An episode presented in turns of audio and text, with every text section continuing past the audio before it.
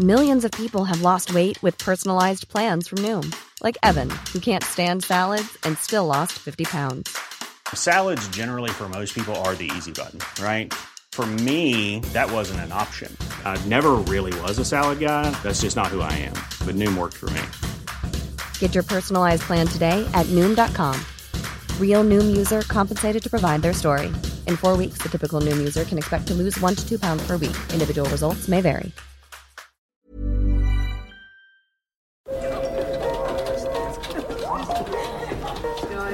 Dette er lyden av norsk næringsliv. Akkurat nå tas det små og store valg som kan bli avgjørende for fremtiden. Med økonomisystemet X-Leger tas disse beslutningene basert på informasjon i samtid, slik at drømmer og ambisjoner kan bli virkelighet. Få kontroll og oversikt. Gå inn på xledger.no. Denne sendingen er sponset av Xleger.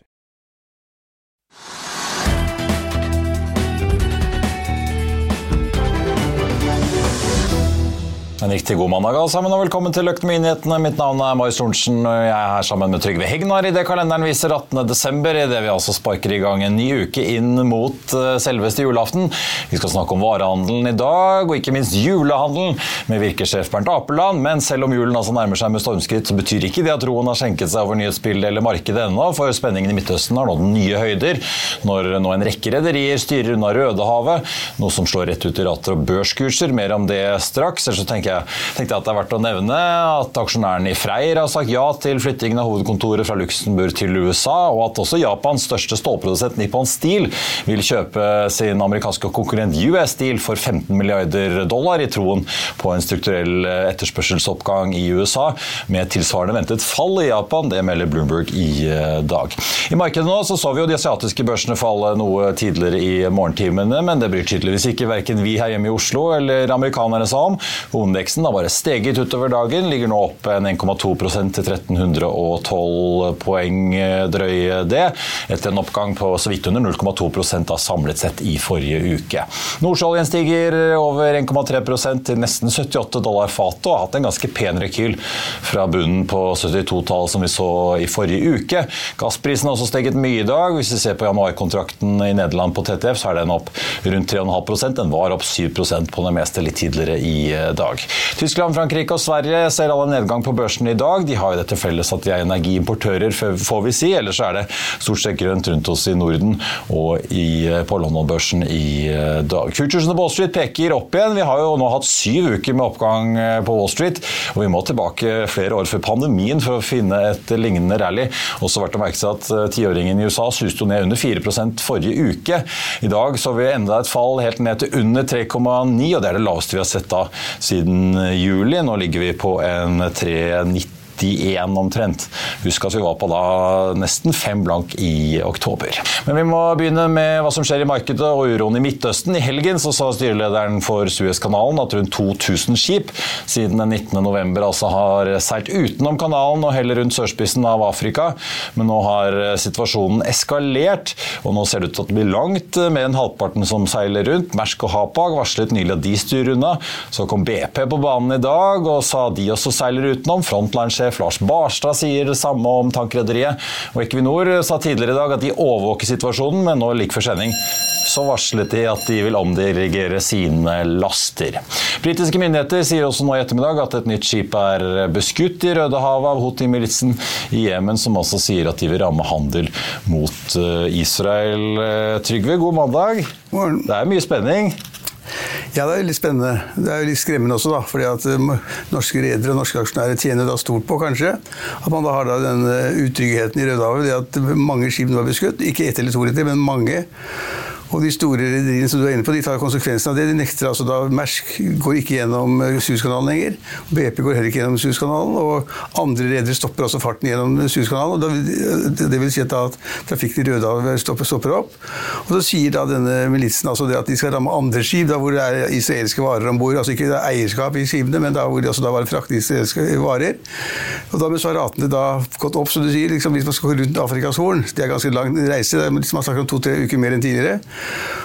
Og da har jo da Frontline liksom gått rett opp. ikke sant? Det er et tankselskap, og ratene blir mye mye høyere. Og Hunter Group, som da på en måte, jeg vet ikke helt sikkert hva de er lenger, de gikk ut av tank og så gikk de inn i tank. Men i alle tilfeller så ser vi at ratene går opp, også for bilskipene sannsynligvis. går ganske kraftig opp. Høge Autoliners var masse opp i dag, så er ja, over det er- 6 Reisen blir lang, altså. Reisen blir lang. Og så kan du si at det er bra for norske redere og bra for norske aksjonærer som kan sitte og gni seg i hendene liksom krigen gir oss penger. Men det er ikke bra for internasjonal handel, og det er ikke bra for Suezkanalen. Det er, altså, det er veldig negativt. Og det kan jo tenkes at en av disse rakettene etter hvert da treffer de som midtskips på en tankbåt, så går hele greia i luften, eller noe annet. Eh, Fordi at Hvis de skyter raketter fra Jemen Jeg kan liksom ikke tenke meg at det er så altså Det er, er selvfølgelig presise i en forstand. Man kan stille inn på mottak på, på hvor, hvor man skal treffe. Men eh, det skal kanskje noe til for at disse båtene synker eller går under, altså brenner opp eller sånn. Men, men, men hvis de gjør det, så har vi en total krise. For da, altså da, da vil ratene på tank liksom tredoble seg rundt eh, Afrikas, Afrikas Horn. Og bilskipene vil altså da kanskje doble seg i rater osv. Gjør det nå? Ja, det, det er ikke bra. Da internasjonal handel vil bli sterkt forstyrret, og det er ikke bra. Det slår ut på forbrukerne eh, Ja. på slutten av dagen, da. Etter end of the day så vil det slå ut for forbrukerne og alle andre. Og, og så er det ikke bra, for liksom, vi er jo eksponert i internasjonal handel og skipsfart i Norge. og det, Vi har jo hatt tidligere tider også hvor da liksom tankfløyten har vært utsatt på den samme måten. og Da har ratene liksom gått himmelhøyt. Jeg tror ikke de gjør det nå, faktisk. Og, og jeg er litt i tvil om det er tusenvis av skip som har gått rundt Afrikas Horn, men mange skip har gjort det.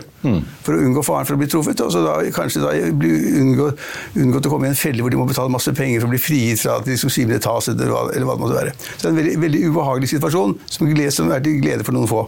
Og det er jo det vi har spekulert om konflikten mellom palestinerne og israelerne sprer seg. Nå sier Evergreen i Taiwan, dette rederiet som jo hadde en båt på tvers i Suezkanalen, som noen husker for en stund tilbake, de sier nå de ikke skal ta noe israelske laster, punktum, pga. sikkerhetshensyn. Ja, og Det er også litt beklagelig da, hvis man altså mener at liksom Israel som land har liksom rett til å leve, og at innbyggerne der også skal leve videre selv om man er i en krig. Så er det liksom betenkelig da, hvis liksom alle verdens eh, handelsskip eller tørrlandsskip osv. hvis de nekter å ta med seg israelske varer. Det er jo ikke bra. Det er en trussel og en fress mot Israel som kanskje ikke er så bra. Uten å ta stille til konflikten og krigen, så er det ikke bra hvis et land da på en måte blir boikottet av resten av verden fordi at rederne ikke tør gå. Det er ikke bra. Er Norge Situasjonen, situasjonen er veldig dårlig. Ja, for jeg skulle til å si, Nå har vel Norge blitt spurt av amerikanske myndigheter om å delta i en slags sånn marinestyrke her som skal prøve å stabilisere sikkerhetssituasjonen i Rødehavet òg. Ja, og det kommer nok. Altså, det er klart at Dette kan ikke verden se på. Og Hvis USA blander seg inn og, liksom, og Storbritannia blander seg inn, så vil man finne en måte å, å, å sørge for at skipene kommer til liksom, risikofritt gjennom Rødehavet. Kanskje.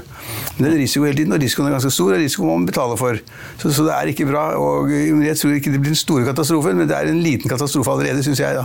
Og penger rett i fòret til eh, mange. Vi ser jo Frontline er den mest eh, omsatte aksjen på Oslo Børs. eh, Nesten eh, 9 Ja, opp over 9 Det er jo langt over omsetningen i Equinor på en snau halv milliard. Nå ligger det sånn på 700 mill. i Frontline. Mm. Vi må snakke litt varehandel òg. Vi skal ta inn sjefen i Virke rett etter dette. Vil du bli oppdatert på det viktigste som har skjedd innen finans og næringsliv? Da er det bare å følge med, for hver morgen er jeg, Marius Lorentzen og aksjekommentator Karl Johan Malnes på plass i studio for å ta tempen på dagens marked i Børsmorgen. Og hver ettermiddag oppsummerer vi alt du trenger å vite i økonominyhetene, og det blir selvfølgelig masse interessante gjester. Klikk deg inn på fa.no-tv, eller søk opp Børsmorgen og Økonominyhetene der du hører på podkast.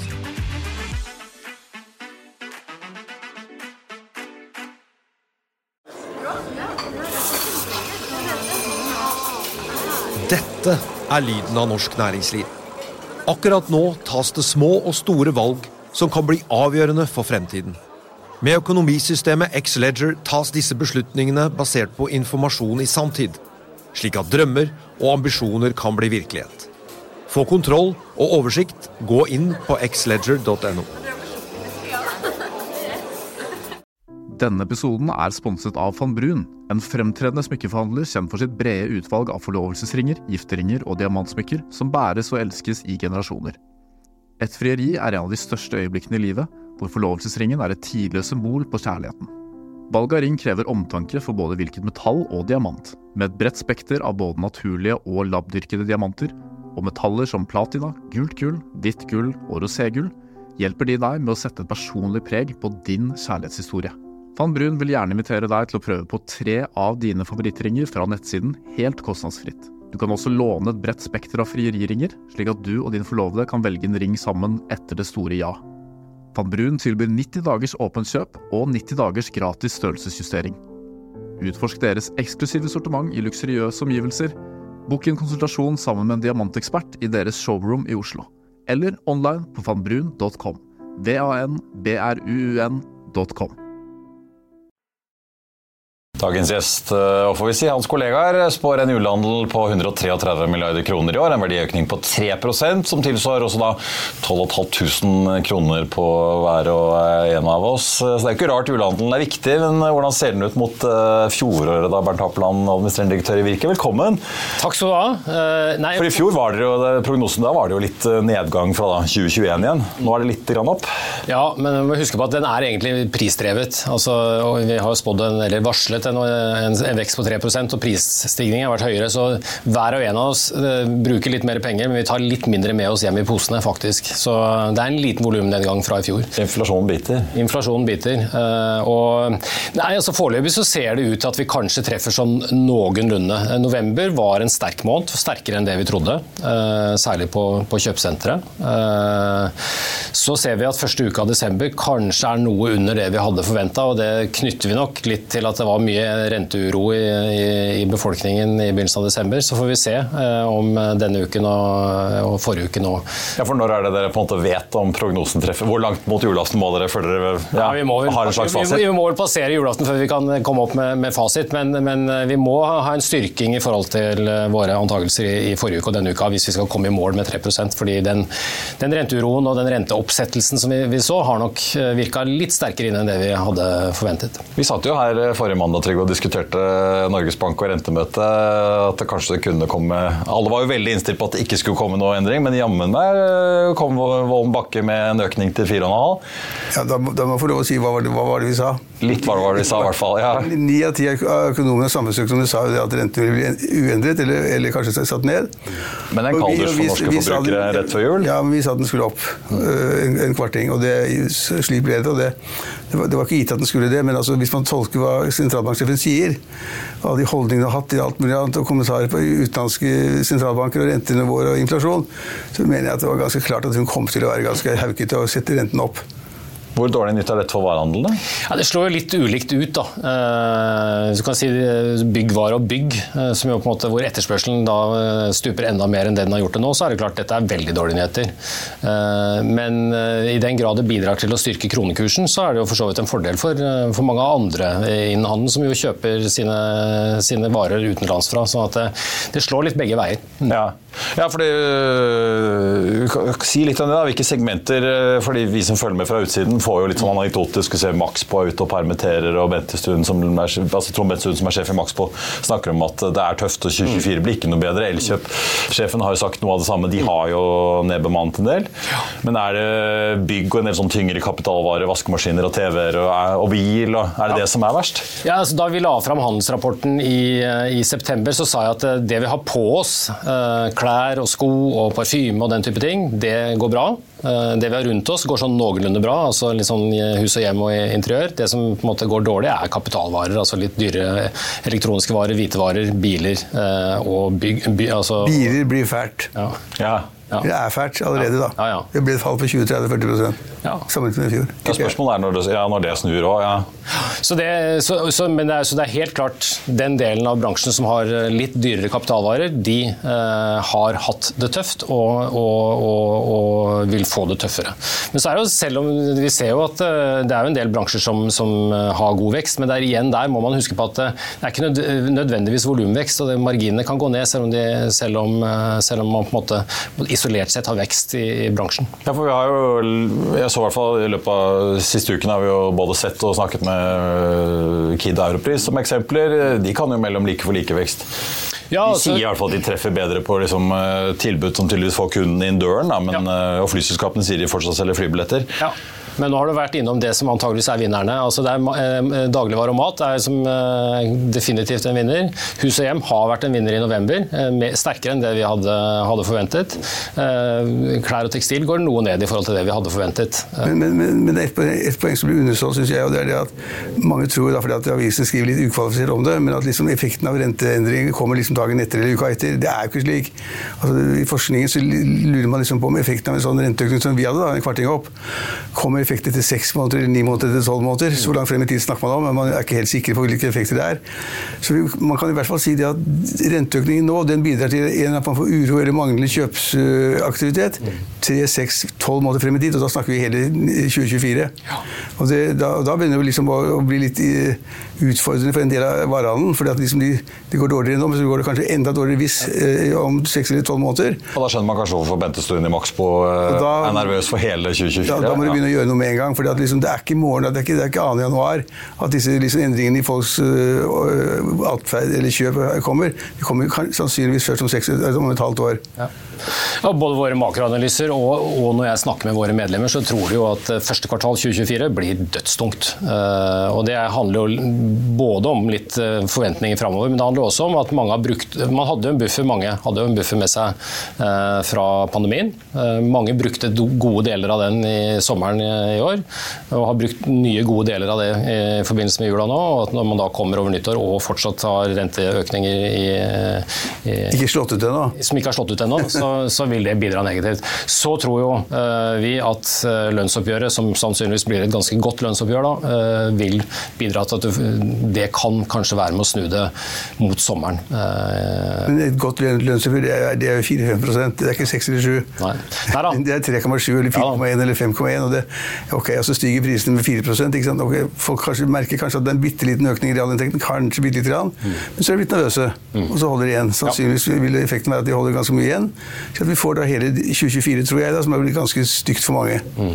Ja, jeg, jeg merket meg siste kopirapporten vi fikk fra SSB, så var det jo egentlig, det var egentlig varehandelen som vi ikke kunne skryte av å bidra til å få prisveksten ned. For det var jo kampanjer og tilbud og salg, særlig i november. De skrev det ikke Black Friday rett ut og Black Week, men eh, mellom linjene kunne man jo lese det at det var det som dro ned kjerneinflasjonen fra 6 til 5-8. Men dine medlemmer vil vel få de marginene kjappest mulig opp igjen så lenge de kan? sånn at uh, Hvis, jo, hvis konjunkturene viser det minste tegn til at her er forbrukerne villige til å bruke penger, så skrur man vel opp? Jo, jo, for all del. Altså, ja. Fordi marginene har jo blitt pressa gjennom hele egentlig slutten av 2022 og gjennom hele 2023. Kostnadsbildet har jo bare økt og økt og økt. Og økt.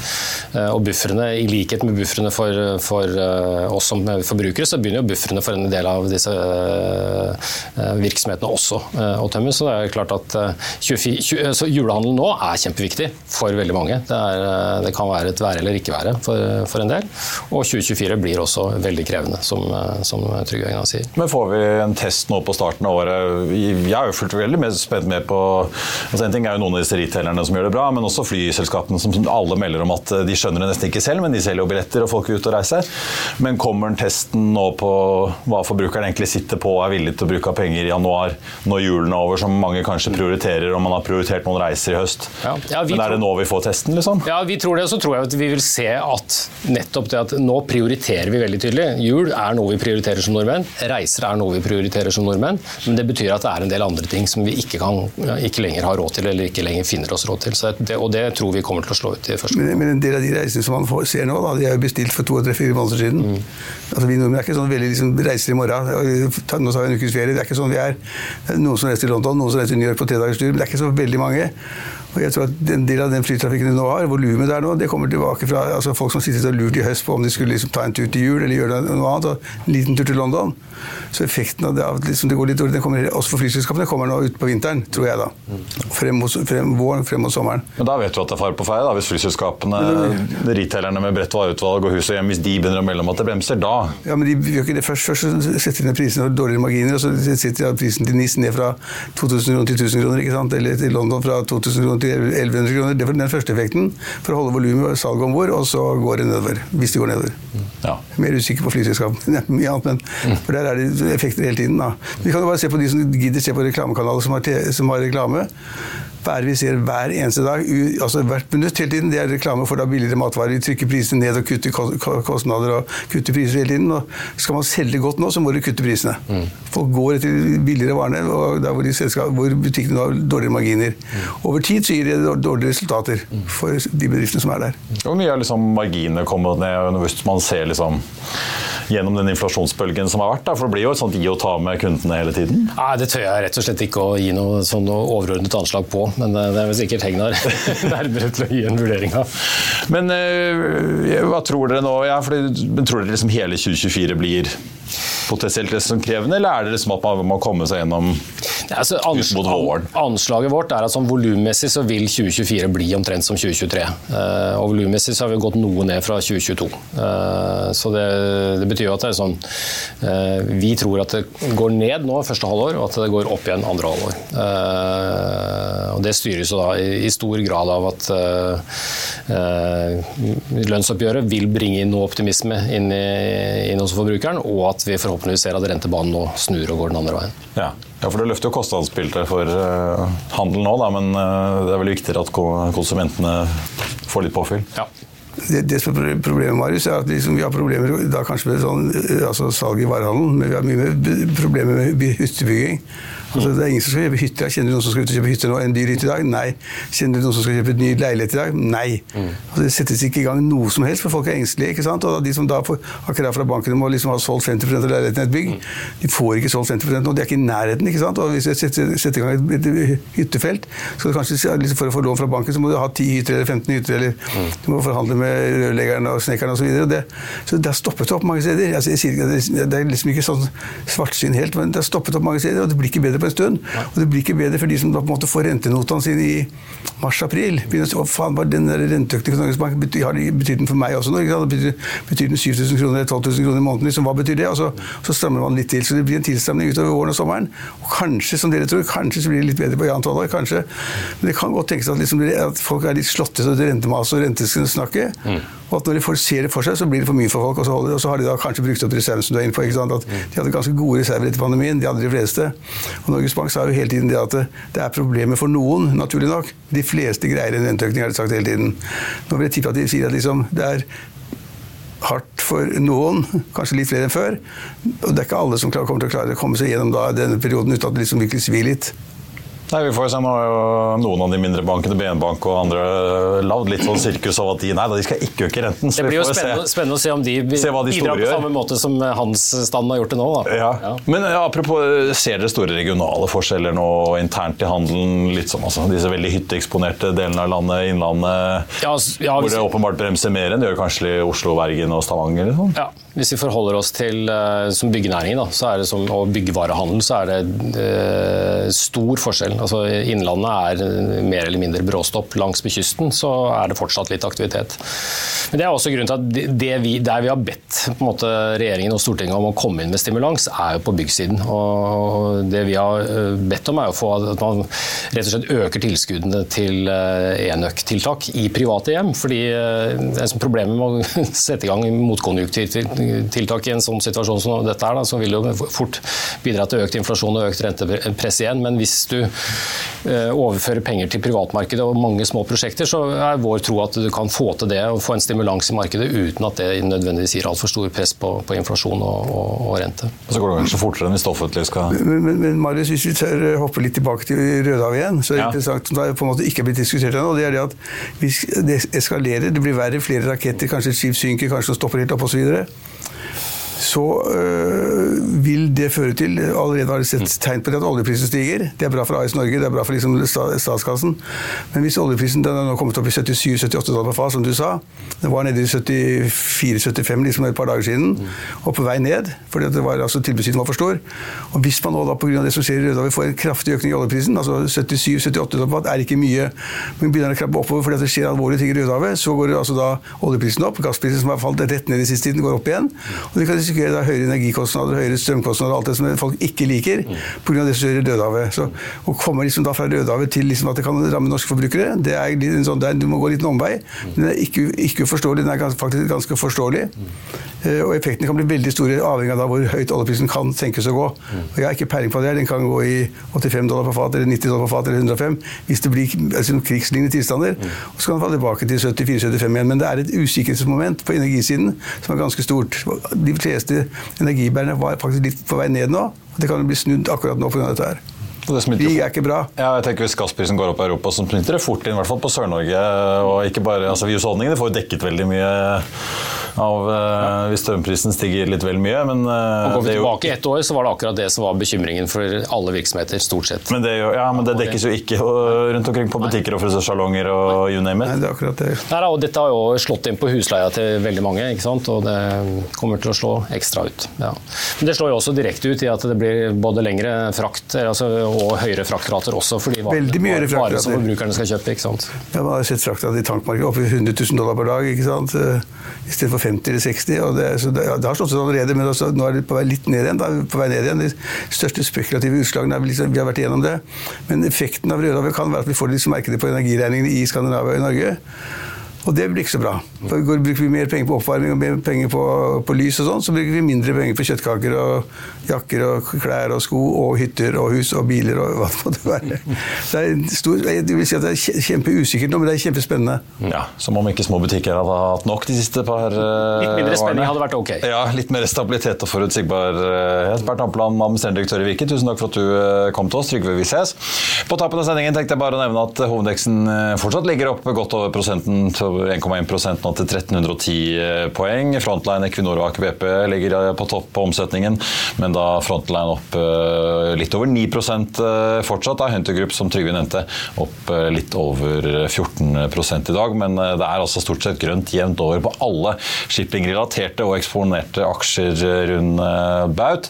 I Finansavisen i morgen kan du lese Trygve Egnars leder om Andresen-familien og boligkjøp. Du kan lese om at Sparebanken en SR-bank i Stavanger tar ned boligprisprognosene sine. Det blir mer om bilsalget som er stusslige saker om dagen. Og så kan du lese mer om at Bård Arne Blystad, Jon Fredriksen og Magnus Halvorsen har kjøpt aksjer i offshorerederiet Doff. Det blir også børsintervju med langkredittforvalter Ulf Leinebø.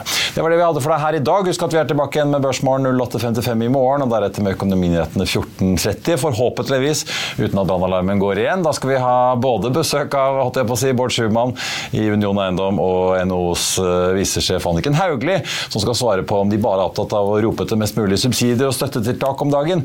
Den får du da, så, da i morgen 14.30. Siste nytte får du som alltid på FA.no. Mitt navn er Marius Lorentzen. Tusen takk for at du så eller hørte på, og så håper jeg vi ses igjen i morgen.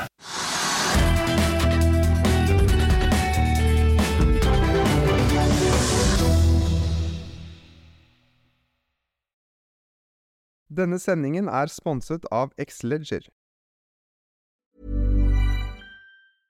Overdraft fees are just the worst. Get up to $200 in fee-free overdraft with a Chime checking account. Sign up today at Chime.com slash Goals24. Banking services and debit card provided by the Bancorp Bank N.A. or Stride Bank N.A. Members FDIC. Spot me eligibility requirements and overdraft limits apply.